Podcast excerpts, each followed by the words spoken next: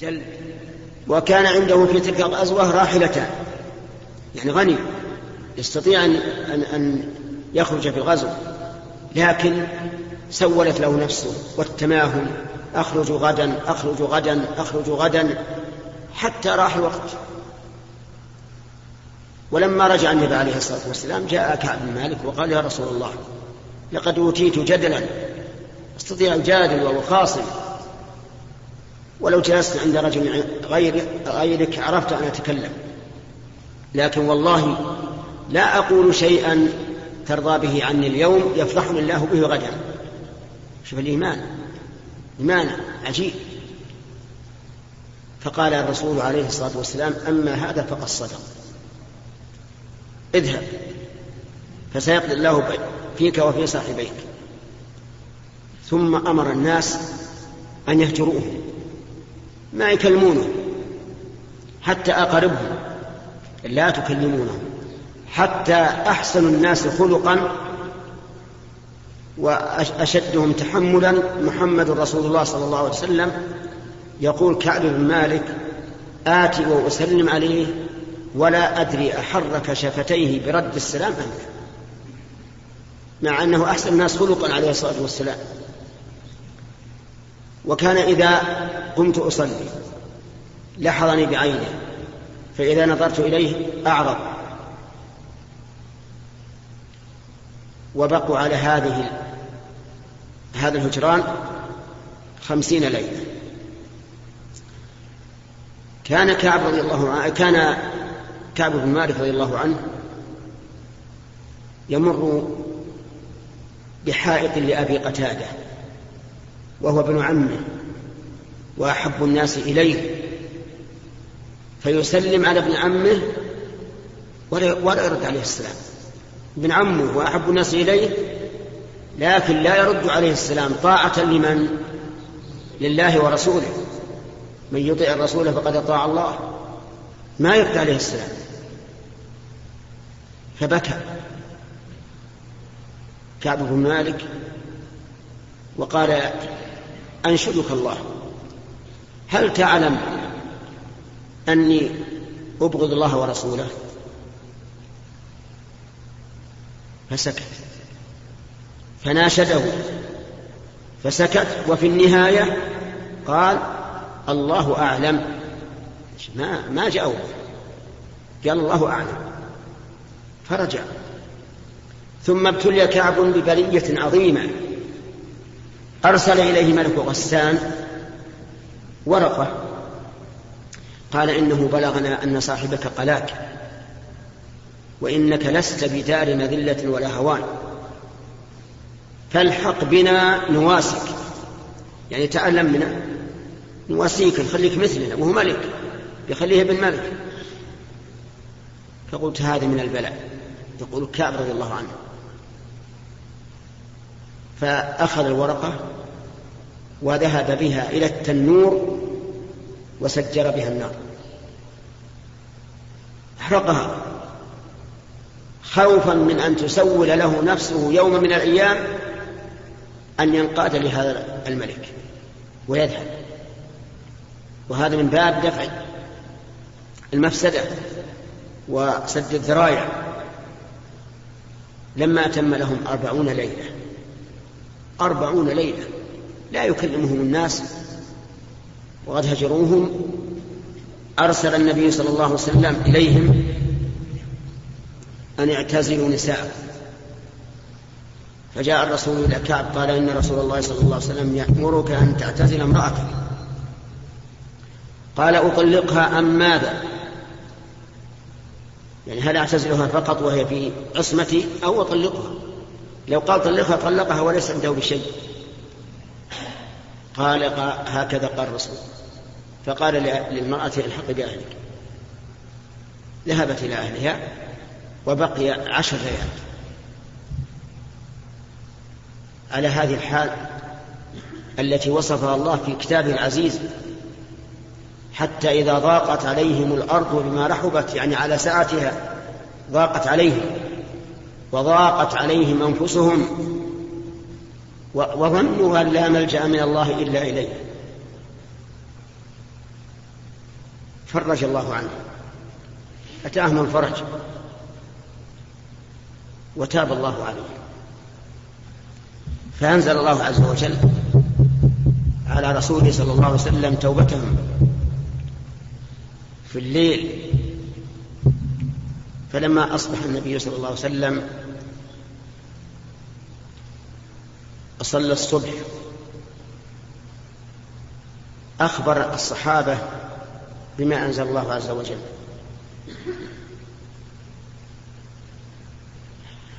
فلما أخبرهم وكان كعب بن مالك رضي الله عنه لضيق الأرض عليه صار لا يستطيع أن يواجه الناس. يصلي في بيته فبينما هو ذات الليلة التي نزلت فيها التوبة يصلي في سطح على سطح بيوت بيت من بيوتهم سمع صارخا أوفى على سلع. سلع جبل في المدينة معروف. يقول يا كعب بن مالك أبشر بتوبة الله عليك. هذه والله هي البشرى. العظيمة. نسأل الله تعالى أن يتوب علينا أبشر بتوبة الله عليه. فاستعار ثوبين من أصحابه وجاء إلى النبي عليه الصلاة والسلام.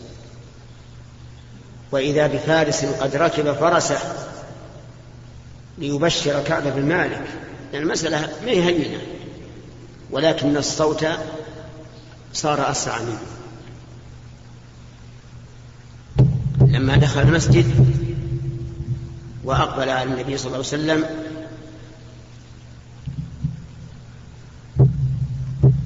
وإذا وجه الرسول عليه الصلاة والسلام الذي كان بالأمس لا يرد عليه السلام ردا يسمعه وإذا هو يتهلل مسرورا. صلوات الله وسلامه عليه أن الله تاب عليه. فقال له الرسول عليه الصلاة والسلام يا كعب أبشر بخير يوم مر عليك منذ ولدتك أمك وأخبره بتوبة الله عليه. فقال يا رسول الله أمن عندك؟ أم من عند الله؟ قال بل من عند الله. فشكر الله له. فشكر الله على ذلك. فانظر ماذا حصل من هذا الضيق العظيم الذي بقوا فيه على صدقهم وإيمانهم. أنزل الله عليهم أنزل الله فيهم كتابا يتلى إلى يوم القيامة. قصتهم تتلى إلى يوم القيامة يقرأها المسلمون في خلواتهم وفي تهجدهم وفي صلواتهم. ويتقربون إلى الله تعالى بتلاوة قصتهم ولهم بكل حرف منها عشر حسنات. إذا قرأوه من يحصل له هذه الفائدة؟ لكن هذه فائدة اللجوء إلى الله عز وجل فإنه سبحانه وتعالى لا يخيب من رجاه. وفائدة الصدق.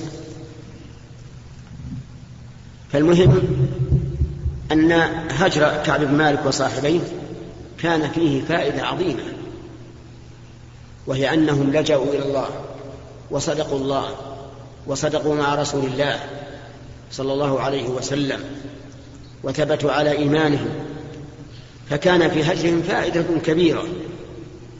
فإذا كان في هجر من فعل معصية بترك واجب أو فعل محرم فائدة يهجر حتى تتحقق الفائدة.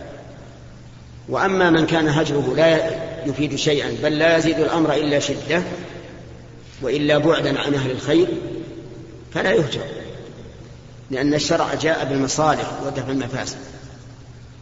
فإذا علمنا أننا لو هجرنا هذا العاصي لم يزدد إلا شرا وكراهة لنا وكراهة لما معنا من الخير فإننا لا نهجوه نسلم عليه.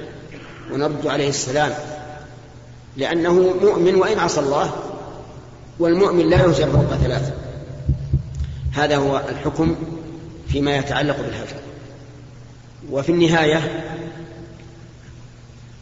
يسوءني أن أجد المسلمين اليوم. يمر بعضهم ببعض لا يسلم أحدهم على الآخر. يتلاقيان. يضرب كتف أحدهم كتف الآخر. لا يسلم عليه والعياذ بالله. وكأنما مر بجيفة أو أو يهودي أو نصراني.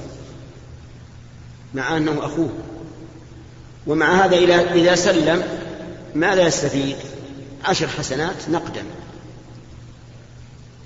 إيمان. رسوخ إيمان.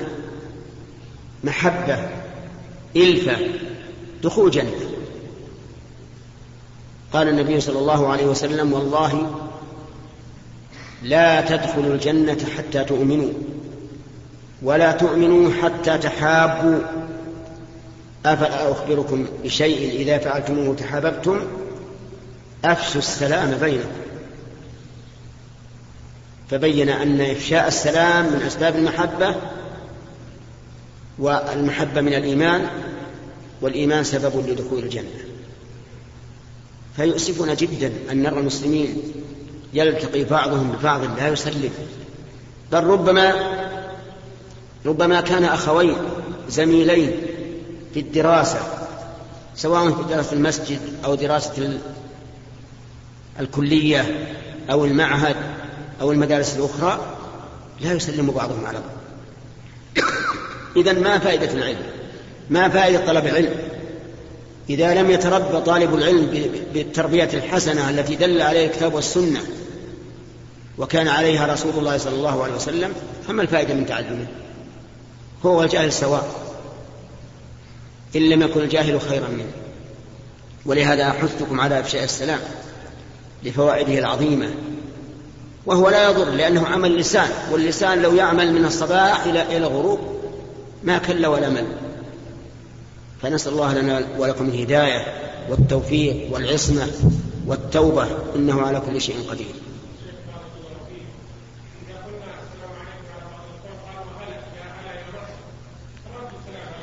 لا هذا ما يكفي إذا إذا سلمت عليه فقال هلا مرحبا ما يكفي لابد أن يقول عليكم السلام لقوله تعالى وإذا حييتم بتحية فحيوا بأحسن منها أو ردوها. فبدأ بالأحسن ثم ذكر الكفاية أو ردوها. أما أهلا وسهلا ما وش فيها؟ ما فيها دعاء. لكن السلام عليكم دعاء فرد عليه بقولك عليكم السلام.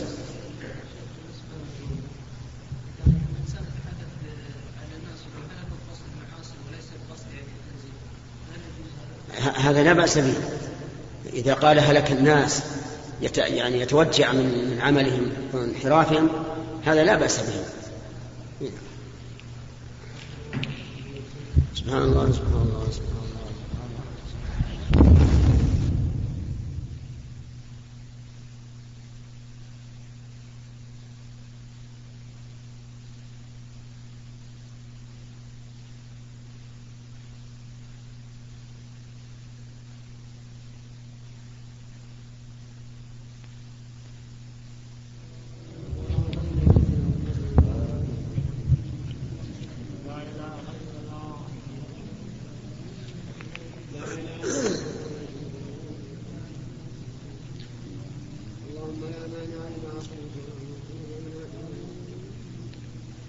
بسم الله الرحمن الرحيم.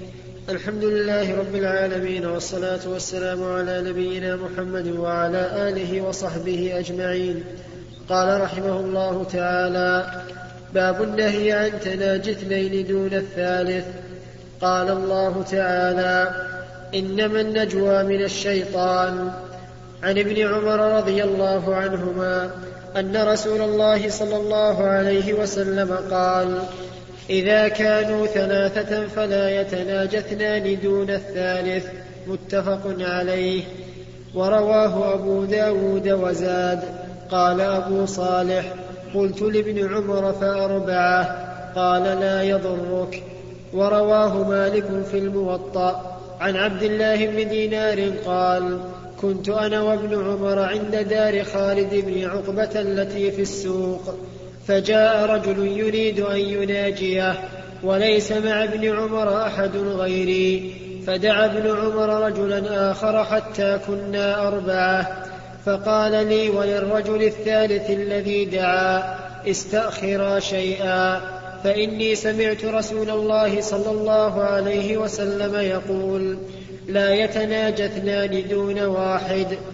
وعن ابن مسعود رضي الله عنه أن رسول الله صلى الله عليه وسلم قال إذا كنتم ثلاثة فلا يتناجى اثنان دون الآخر حتى تختلطوا بالناس من أجل أن ذلك يحزنه. متفق عليه. بسم الله الرحمن الرحيم. من الآداب التي حث عليها الإسلام ورغب فيها ما أشار إليه النووي رحمه الله تعالى في كتابه رياض الصالحين في باب النهي عن تناجي اثنين دون الثالث.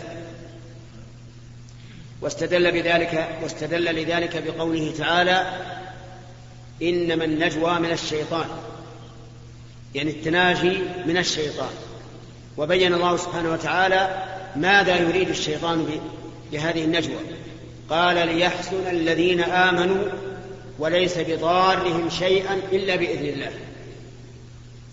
وكانوا إذا مر بهم المسلمون يأخذ بعضهم إلى بعض في التناجي يعني بالكلام السر يتناجون فيما بينهم لأجل أن يحزن المؤمنون فيقولون هؤلاء أرادوا بنا شرا أو ما أشبه ذلك. وذلك أن أعداء المؤمنين من المنافقين والكافرين يحرصون دائما على ما يحزنهم ويسوءهم لأن هذا هو ما يريده الشيطان من أعداء الله أي يريد أن يحزن المؤمنين على كل حال به وبأوليائه. قال الله تعالى وليس بضارهم شيئا إلا بإذن الله.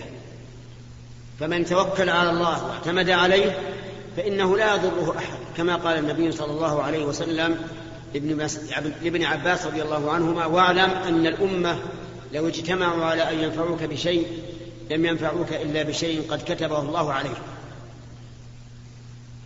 فهم يتناجون فيما بينهم لإحسان المؤمنين. ثم ذكر حديث ابن عمر بن مسعود رضي الله عنهما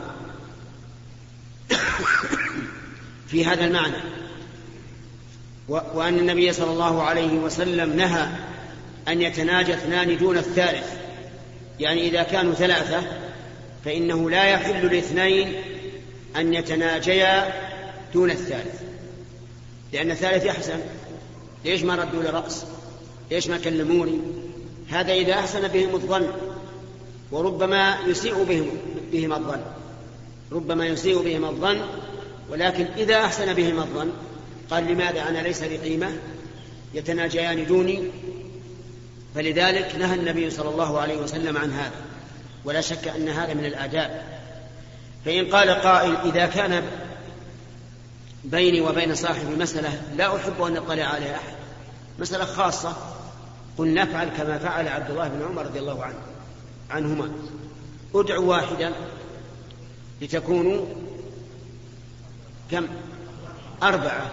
فيتناجى اثنان واثنان يتكلمان فيما بينهما. كما كان ابن عمر يفعل رضي الله عنه وكما دل عليه الحديث حتى تختلطوا بالناس حديث ابن مسعود حتى تختلطوا بالناس فإذا اختلطنا بالناس زال زال المشكل ومن ذلك من التناجي بين اثنين دون الثالث إذا كانوا ثلاثة واثنان يجيدان لغة لغة أجنبية والثالث لا يجيده فجعل يتحدثان بلغتهما. والثالث يسمع ولا يدري ما يقولان. هذا نفس الشيء. لأن ذلك يحزنه. لماذا تركاني وصار يتحدثان وحده وحدهما؟ أو ربما يسيء الظن بهما. مثل أن يتكلم واحد مع آخر باللغة الإنجليزية. والثالث لا يعرفها. فهذا كالمتناجيين. إذ أن رفع الصوت هنا لا يفيده شيئا. فينهى عن ذلك. فإذا قال قائل إذا كان له حاجة في أخيه قلنا يفعل كما فعل ابن عمر وإذا لم يمكن وليس وليس حولهما أحد فإنهما يستأذنان منه. يقولان له أتأذن لنا أن نتكلم؟ فإذا أذن لهما في ذلك فالحق له. وحينئذ لا يحزن ولا يهتم بالأمر. والله الموفق الحمد لله رب العالمين والصلاة والسلام على نبينا محمد وعلى آله وصحبه أجمعين. قال رحمه الله تعالى باب النهي عن تعذيب العبد والدابة والمرأة والولد بغير سبب شرعي. باب النهي عن تعذيب العبد والدابة والمرأة والولد بغير سبب شرعي. قال الله تعالى وبالوالدين إحسانا وبذي القربى واليتامى والمساكين والجار ذي القربى والجار الجنب والصاحب بالجنب وابن السبيل وما ملكت أيمانكم. إن الله لا يحب من كان مختالا فخورا. عن ابن عمر رضي الله عنهما أن رسول الله صلى الله عليه وسلم قال عذبت امرأة في هرة حبستها حتى ماتت فدخلت فيها النار. لا هي أطعمتها وسقتها إذ هي حبستها ولا هي تركتها تأكل من خشاش الأرض. متفق عليه. وعنه رضي الله عنه أنه مر بفتيان من قريش قد نصبوا طيرا وهم يرمونه. وقد جعلوا لصاحب الطير كل خاطئة من نبلهم فلما رأوا ابن عمر تفرقوا فقال ابن عمر من فعل هذا؟ لعن الله من فعل هذا. إن رسول الله صلى الله عليه وسلم لعن من اتخذ شيئا فيه الروح غرضا متفق عليه. وعن أنس رضي الله عنه قال نهى رسول الله صلى الله عليه وسلم أن تصبر البهائم. متفق عليه. وعن سويد بن مقرن رضي الله عنه قال لقد رأيتني, لقد رأيتني سابع سبعة من بني مقرن ما لنا خادم إلا واحدة لطم لطمها أصغرنا. فأمرنا رسول الله صلى الله عليه وسلم أن نعتقها. رواه مسلم. وفي رواية سابع إخوة لي. بسم الله الرحمن الرحيم. هذا الباب ذكره ذكره المؤلف رحمه الله في كتابه رياض الصالحين. النهي عن تعذيب الحيوان والولد والوالد ومن لك ولاية عليه فإنه يحرم عليك أن تعذبهم بضرب أو غيره إلا لسبب شرعي.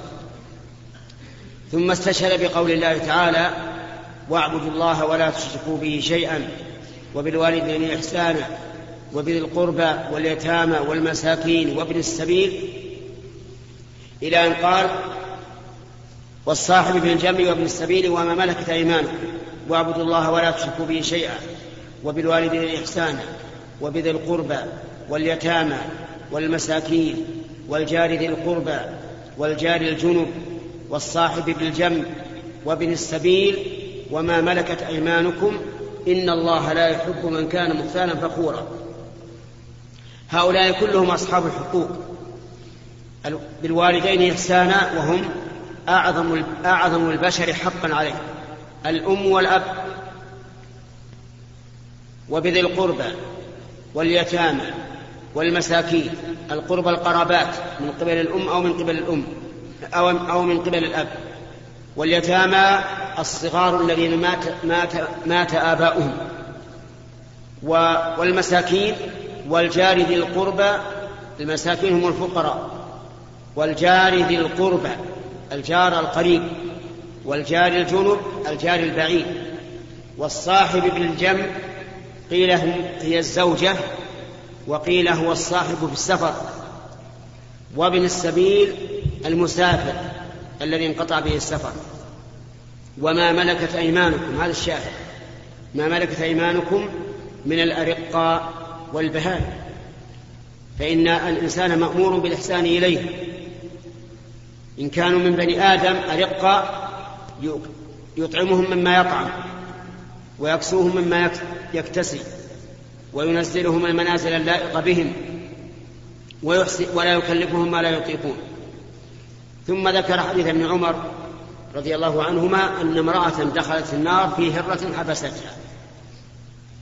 الهرة القط حبستها ولم تجعل عندها ماء ولم تجعل عندها طعاما حتى ماتت فدخلت النار بسبب هذه الهرة وعذبت بها والعياذ بالله. مع أنها هرة لا تساوي شيئا. لكنها أساءت إليها هذه الإساءة. حبستها حتى ماتت جوعا. وفهم من هذا الحديث أنها أنه لو أن لو جعلت عندها طعاما وشرابا يكفي فإن ذلك لا بأس به. ومن هذا الطيور التي تحبس في الأقفاص. إذا وضع الإنسان عندها الطعام والشراب ولم يقصر عليها وحفظها من الحر والبرد فلا بأس. وأما إذا قصر وماتت بسبب تقصيره فإنه يعذب بها والعياذ بالله كما عذبت هذه هذه المرأة في الهرة في الهرة التي حبستها. فدل ذلك على أنه يجب على الإنسان أن يحرص على ما ملك تميل من البهائم والآدميون أولى وأحرى لأنهم أحق بالإكرام.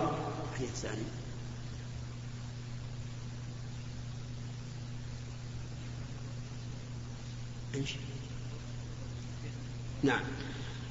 أما الحديث الثاني فهو أن ابن عمر رضي الله عنهما مر بفتن لقريش وقد جعلوا طائرا يرمون عليه أيهم أشد إصابة؟ فلما رأوا عبد الله بن عمر تفرقوا هربا منه ثم قال ما هذا؟ فأخبروه فقال لعن الله من فعل هذا. لعن الله من فعل هذا. وذكر أن النبي صلى الله عليه وسلم لعن من اتخذ شيئا فيه الروح غرضا. وهذا لأنه يتألم إذ أن هذا يضربه مع جناحه وهذا يضربه مع صدره وهذا يضربه مع ظهره وهذا مع رأسه فيتأذى فلهذا لعن النبي صلى الله عليه وسلم من اتخذ شيئا فيه الروح غرضا. أما بعد الممات فقد مات لا يحس بشيء. وكذلك أيضا الحديث الذي بعده أن النبي صلى الله عليه وسلم نهى أن أن يقتل الحيوان, صبرا ومعناه أن يحبس ثم يقتل فإن هذا لا يجوز. وذلك لأنه إذا إذا حبس كان مقدورا على ذبحه وتذكيته فلا يحل أن أن, أن يرمى. ورميه إيلام له من وجه وإضاعة لماليته من وجه آخر. والله موفق. بسم الله الرحمن الرحيم. الحمد لله رب العالمين والصلاة والسلام على نبينا محمد وعلى آله وصحبه أجمعين. نقل المؤلف رحمه الله تعالى في سياق الأحاديث في باب النهي عن تعذيب العبد والدابة والمرأة والولد بغير سبب شرعي. عن ابن مسعود البدري رضي الله عنه قال كنت أضرب غلاما لي بالسوط فسمعت صوتا من خلفي اعلم أبا مسعود فلم أفهم الصوت من الغضب. كنت أضرب غلاما لي بالسوط فسمعت صوتا من خلفي اعلم أبا مسعود فلم أفهم الصوت من الغضب. فلما دنا مني إذا هو رسول الله صلى الله عليه وسلم فإذا هو يقول اعلم أبا مسعود أن الله أقدر عليك منك على هذا الغلام. فقلت لا أضرب مملوكا بعده أبدا. وفي رواية فسقط الصوت من يدي من هيبته. وفي رواية فقلت يا رسول الله هو حر لوجه الله فقال أما لو لم تفعل لنفحتك النار أو لمستك النار رواه مسلم بهذه الروايات. وعن ابن عمر رضي الله عنهما أن النبي صلى الله عليه وسلم قال من ضرب غلاما له حدا لم يأته أو لطمه فإن كفارته أن يعتقه. رواه مسلم. وعن هشام بن حكيم بن حزام رضي الله عنهما أنه مر بالشام أنه مر بالشام على أنه مر بالشام على أناس من الأنباط وقد أقيموا في الشمس وصب على رؤوسهم الزيت فقال ما فقال ما هذا؟ قيل يعذبون في الخراج. وفي رواية حبسوا في الجزية فقال هشام أشهد لسمعت رسول الله صلى الله عليه وسلم يقول إن الله يعذب الذين يعذبون الناس في الدنيا فدخل على الأمير فحدثه فأمر بهم فخلوا رواه مسلم. وعن ابن عباس رضي الله عنهما قال رأى رسول الله صلى الله عليه وسلم حمارا موسوم الوجه فأنكر ذلك فقال والله لا أسمه إلا أقصى شيء من الوجه وأمر بحماره فكوي, فكوي في جاعرتيه فهو أول من كوى الجاعرتين. رواه مسلم. وعنه أن النبي صلى الله عليه وسلم مر عليه حمار قد وسم في وجهه فقال لعن الله الذي وسمه رواه مسلم. وفي رواية لمسلم أيضا نهى رسول الله صلى الله عليه وسلم عن الضرب في الوجه وعن الوسم في الوجه. بسم الله الرحمن الرحيم. هذه الاحاديث التي ساقها النووي رحمه الله في كتابه رياض الصالحين في باب النهي عن تعذيب الحيوان والرقيق والولد وغيرهم ممن يؤدبهم الإنسان. وذلك أن المقصود بالتأديب هو الإصلاح وليس المقصود بالتأديب الإيلام والإيجاع. ولذلك لا يجوز للإنسان أن يضرب ما دام يمكن أن يتأدب الولد بدون الضرب. فإذا لم يتأتى الأدب إلا بالضرب فله أن يضرب وإذا ضرب فإنه يضرب ضربا غير مبرر. واذكروا قول الله عز وجل في النساء واللاتي تخافون نشوزهن فعظوهن واهجروهن في المضاجع واضربوهن. فجعل الضرب في المرتبة الثالثة. والمقصود من الضرب هو التأديب. لا أن لا أن يصل إلى حد الإيلام والإيجاع وذكر المؤلف أحاديث منها حديث أبي مسعود البدري رضي الله عنه أنه كان يضرب غلاما له فسمع صوتا من الخلف يقول أبا مسعود ولم يفقه ما يقول من شدة الغضب فإذا الذي يتكلم هو رسول الله صلى الله عليه وعلى آله وسلم. فقال يا أبا مسعود ألم تعلم أن الله أقدر عليك من قدرتك على هذا الغلام؟ يعني تذكر قدرة الله عز وجل فإنه أقدر عليك من قدرتك على هذا الغلام. وكذا و و وإلى هذا يشير الله عز وجل في الآية التي ذكرناها فإن أطعنكم فلا تبغوا عليهن سبيلا إن الله كان عليا كبيرا. فلما رأى أنه النبي عليه الصلاة والسلام وذكره بهذا بهذه الموعظة العظيمة أن الله أقدر عليه من قدرته على هذا العبد. سقط العصا من يده هيبة لرسول الله صلى الله عليه وسلم ثم أعتقه أعتق العبد. وهذا من حسن فهمه رضي الله عنه لأن الله تعالى يقول إن الحسنات يذهبن السيئات. فبدلا من أساء من أنه أساء إلى هذا العبد أحسن إليه بالعتق.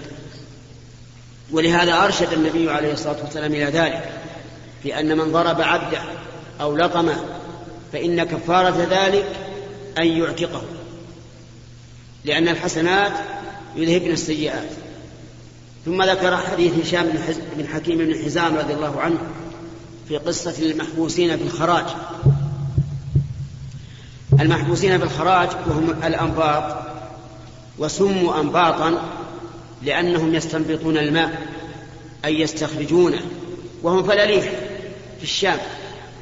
عليهم خراج وكأنهم لم يؤدوا فعاقبهم الأمير هذه العقوبة العظيمة. جعلهم في الشمس في الحر الشديد وصب على رؤوسهم الزيت لأن الزيت يشتد تشتد حرارته مع الشمس. وهذا عذاب عظيم. مؤلم موجع. فدخل هشام رضي رحمه الله إلى دخل هشام رضي الله عنه إلى الأمير فأخبره.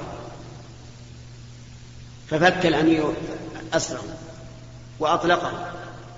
وفي هذا دليل على حسن سيرة السلف رضي الله عنهم في مناصحة الحكام وأنهم يتقدمون إلى الحاكم وينصحونه فإن اهتدى فهذا المطلوب وإن لم يهتدي برئت ذمة الناصح وصارت المسؤولية على الحاكم. لكن الحكام الذين يخافون الله عز وجل إذا ذكروا بآيات ربهم لم يخروا عليها صما وعميانا اتعظ هذا الحاكم وأمر بإطلاقهم فدل ذلك على أن التعذيب الذي يصل إلى هذا الحد أنه لا يجوز.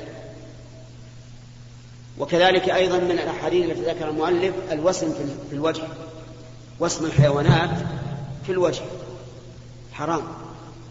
من كبائر الذنوب لأن النبي صلى الله عليه وسلم لعن من فعل هذا.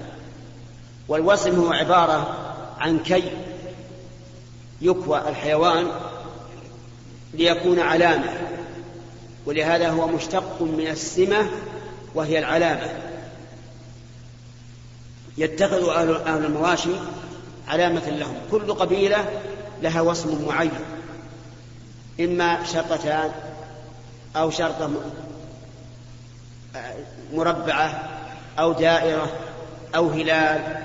المهم أن كل قبيلة لها وصم معين.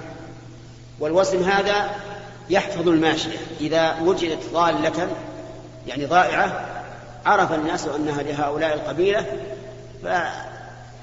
فذكروها له وكذلك أيضا هي قرينة في مسألة الدعوة.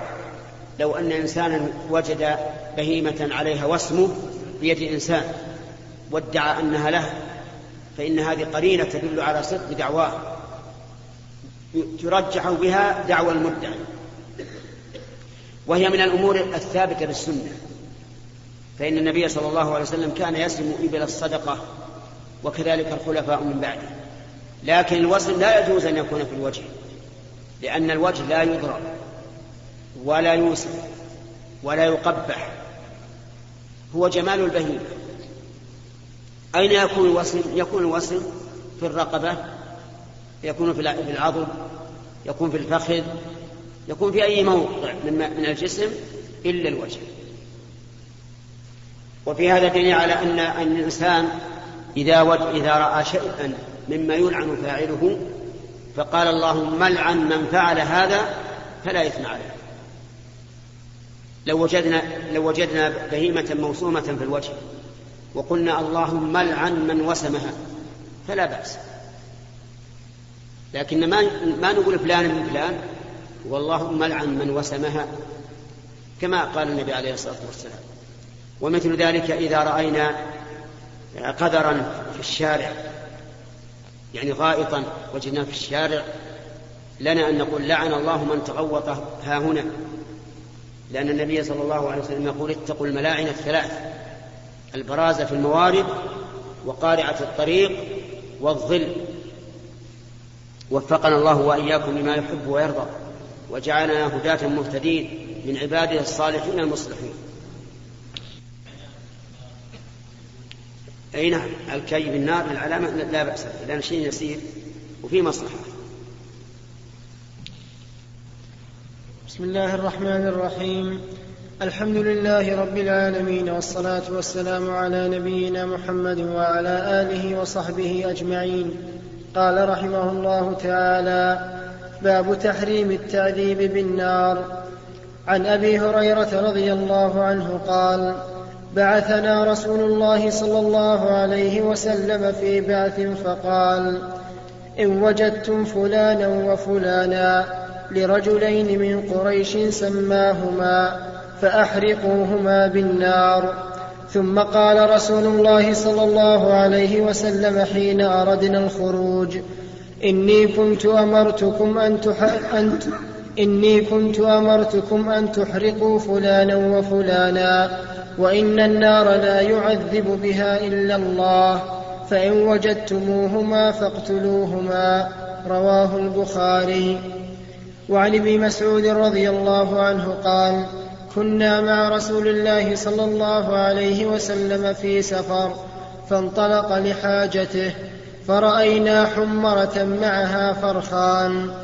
فأخذنا فرخيها فجاءت الحمرة تعرش فجاء النبي صلى الله عليه وسلم فقال من فجع هذه بولدها ردوا ولدها إليها. ورأى قرية نمل قد حرقناها فقال من حرق هذه؟ قلنا نحن. قال إنه لا ينبغي أن يعذب بالنار إلا رب النار. رواه أبو داود بإسناد صحيح. بسم الله الرحمن الرحيم. قال المؤلف رحمه الله تعالى باب تحريم التعذيب بالنار. يعني أنه لا يحل للإنسان أن يعذب أحدا بالإحراق لأنه يمكن التعذيب بدونه ويمكن التعذيب بدونه ويمكن إقامة الحدود بدون ذلك. فتكون الإحراق زيادة, لا زيادة تعذيب لا حاجة له. ثم ذكر حديث أبي هريرة رضي الله عنه أن النبي صلى الله عليه وسلم بعث رجالا في سرية وقال إذا وجدت وجدتم فلانا وفلانا لرجلين سماهما فأحرقوهما بالنار. فاعتمد الصحابة ذلك امتثالا لأمر النبي صلى الله عليه وعلى آله وسلم. فلما أرادوا الخروج قال كنت قلت كذا وكذا ولكن لا يعذب بالنار إلا الله عز وجل. فإن وجدتموهما فاقتلوهما. فنسخ النبي صلى الله عليه وسلم أمره الأول بأمره الثاني. أمره الأول أن يحرق وأمره الثاني أن يقتل. فدل ذلك على أن الإنسان إذا استحق القتل فإنه لا يحرق بالنار وإنما يقتل قتلا عاديا حسب ما تقتضيه النصوص الشرعية. وكذلك حديث الذي رواه أبو داود أن النبي صلى الله عليه وسلم مضى لحاجته فوجد الصحابة حمرة نوع من الطيور معها ولداها فأخذ ولديها فجعلت تعرش يعني تحوم حولهم كما هو العادة. أن الطائر إذا أخذ أولاده جعل يعرف ويحوم ويصيح لفقد أولاده لأن الله سبحانه وتعالى جعل في قلوب البهائم رحمة لأولادها حتى إن البهيمة لترفع حافرها عن ولدها خشية أن تصيبه وهذه من حكمة الله عز وجل. فأمر النبي صلى الله عليه وسلم أن يطلق ولدها لها فأطلقوا ولديها. ثم مر بقرية نمل قد أحرقت فقال من أحرق هذا؟ قالوا نحن يا رسول الله. قرية النمل يعني مجتمع النمل جحورها. أحرقوها بالنار. فقال النبي صلى الله عليه وسلم إنه لا ينبغي أن يعذب بالنار إلا رب النار. فنهى عن ذلك. وعلى هذا فإذا كان عندك نمل فإنك لا تحرقها بالنار. وإنما تضع شيئا يطردها مثل الغاز إذا صبيته على الجحر فإنه تنفر بإذن الله ولا ولا ترجع. وإذا لم يمكن إرجاع وإذا لم يمكن اتقاء شرها إلا بمبيد يقتلها نهائيا يعني النمل فلا بأس. لأن هذا دفع, دفع لأذاها وإلا فإن النمل مما نهى النبي صلى الله عليه وسلم عن قتله لكن إذا آذى ولم يندفع إلا بالقتل فلا بأس بقتله. والله الموفق أيها الإخوة في ختام هذه المادة نسأل الله أن نلقاكم في لقاءات متجددة. مع تحيات مؤسسة الاستقامة الإسلامية للإنتاج والتوزيع في عنيزة. شارع هلالة رقم الهاتف والناسخة الهاتفية صفر ستة ثلاثة ستة أربعة ثمانية ثمانية ثمانية صفر. والرقم الثاني صفر ستة ثلاثة ستة أربعة خمسة ثمانية ثمانية صفر. ورقم صندوق البريد اثنان وخمسمائة وألف.